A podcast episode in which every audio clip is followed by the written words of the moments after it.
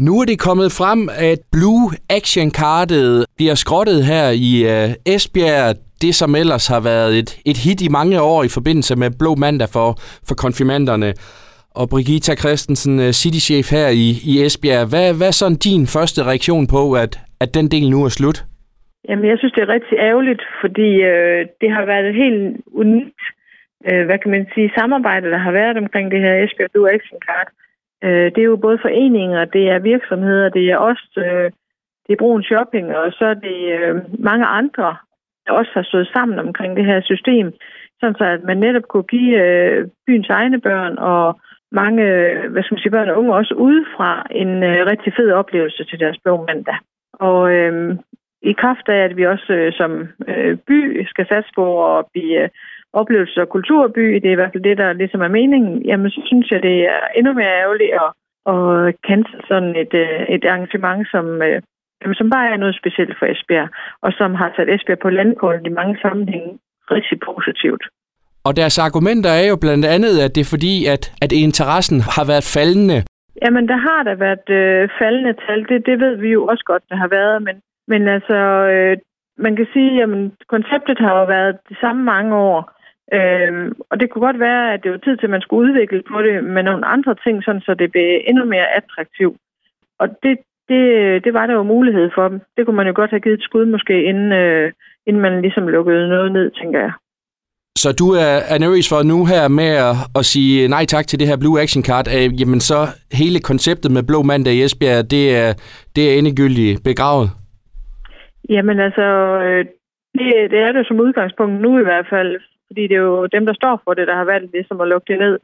Øh, men altså, jeg synes, at det ville være så fedt, hvis det var, at det ikke øh, skete, hvis man kan sige sådan. Men, øh, men der, der er jo mange gode kræfter, der skal samles omkring det her, hvis der man skal, man skal køre det videre i hvert fald. Og hvad tænker du, det, det får betydning sådan for butikkerne, detailhandlen i, øh, i, i Midtbyen, hvor de har været de her fire blå mandage? Jamen altså, det får den betydning, at vi sender dem til nogle andre byer. Vi sender måske til Aarhus op i øh, uh, Tivoli Friheden, og så er det der, de, de lægger deres penge. Øh, og øh, man kan sige her, jamen der var det jo nogle specielle oplevelser, de kunne få. Det var jo netop en kombination af, at, at det var en masse spændende ting, som man ikke kunne prøve i dagligdagen som ung menneske. Øh, samtidig med, at man også øh, ja, kunne shoppe, hvis man havde lyst til at og bruge lidt af de penge, der brændte i lommen. Øhm, så har vi jo i samarbejde med Brun Shopping øh, alle årene haft lavet sådan et, øh, et rigtig øh, tilbudshæfter til dem, hvor de kunne komme ud og spise til billigere penge, de kunne købe ting til billigere penge osv. Så, så, så alt det der, hvad skal man sige, det falder i hvert fald til jorden.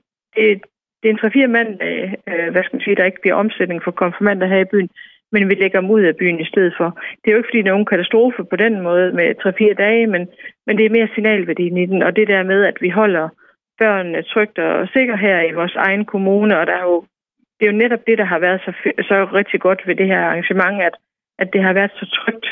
Altså forældrene har jo fulgt med fra også fra de andre byer og sat sig på en café eller, og, og bare ventet og på, at børnene de ligesom hyggede sig hele dagen. Men man vidste, at der var altid en forælder at hæve fat i, hvis det var, der var brug for det.